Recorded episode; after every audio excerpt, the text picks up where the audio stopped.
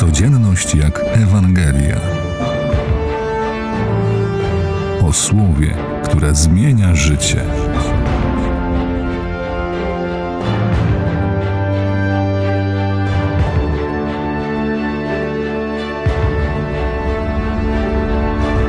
Powiadam wam, tak wielkiej wiary nie znalazłem nawet w Izraelu. Dzisiaj stajemy przed interesującym pytaniem: dlaczego setnik, zamiast osobiście wyjść na spotkanie Jezusa, wysłał starszyznę żydowską z prośbą o uzdrowienie swojego sługi? Setnik odpowiada ewangelicznie w naszym imieniu: Panie, nie uważałem się za godnego przyjść do Ciebie, lecz powiedz słowo, a mój sługa będzie uzdrowiony.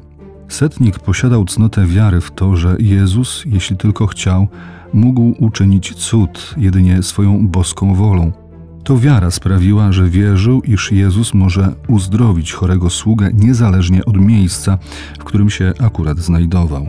Ten setnik był przekonany, że żadna odległość nie mogła powstrzymać Jezusa Chrystusa, jeśli tylko postanowił doprowadzić do końca dzieło wybawienia. My także jesteśmy wezwani do takiej samej wiary w naszym życiu. Jest wiele sytuacji, kiedy popadamy w zwątpienie, że Jezus jest daleko i nie słucha naszego błagania. Lecz wiara rozjaśnia nasze umysły i serca, sprawiając, że wierzymy, iż Jezus jest zawsze blisko, aby nam pomóc.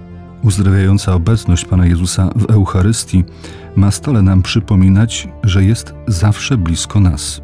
Święty Augustyn oczami wiary wyrażał tę rzeczywistość. To, co widzicie na ołtarzu Bożym, to chleb i kielich. O tym informują was wasze oczy.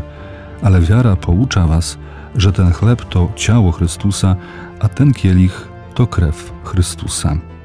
Wiara uświeca nasze umysły i sprawia, że widzimy Jezusa pośród nas.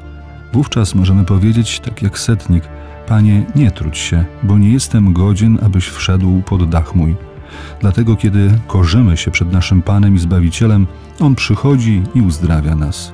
Pozwólmy Jezusowi przeniknąć naszą duszę, nasz dom, aby uzdrowił i wzmocnił naszą wiarę i doprowadził nas do życia wiecznego.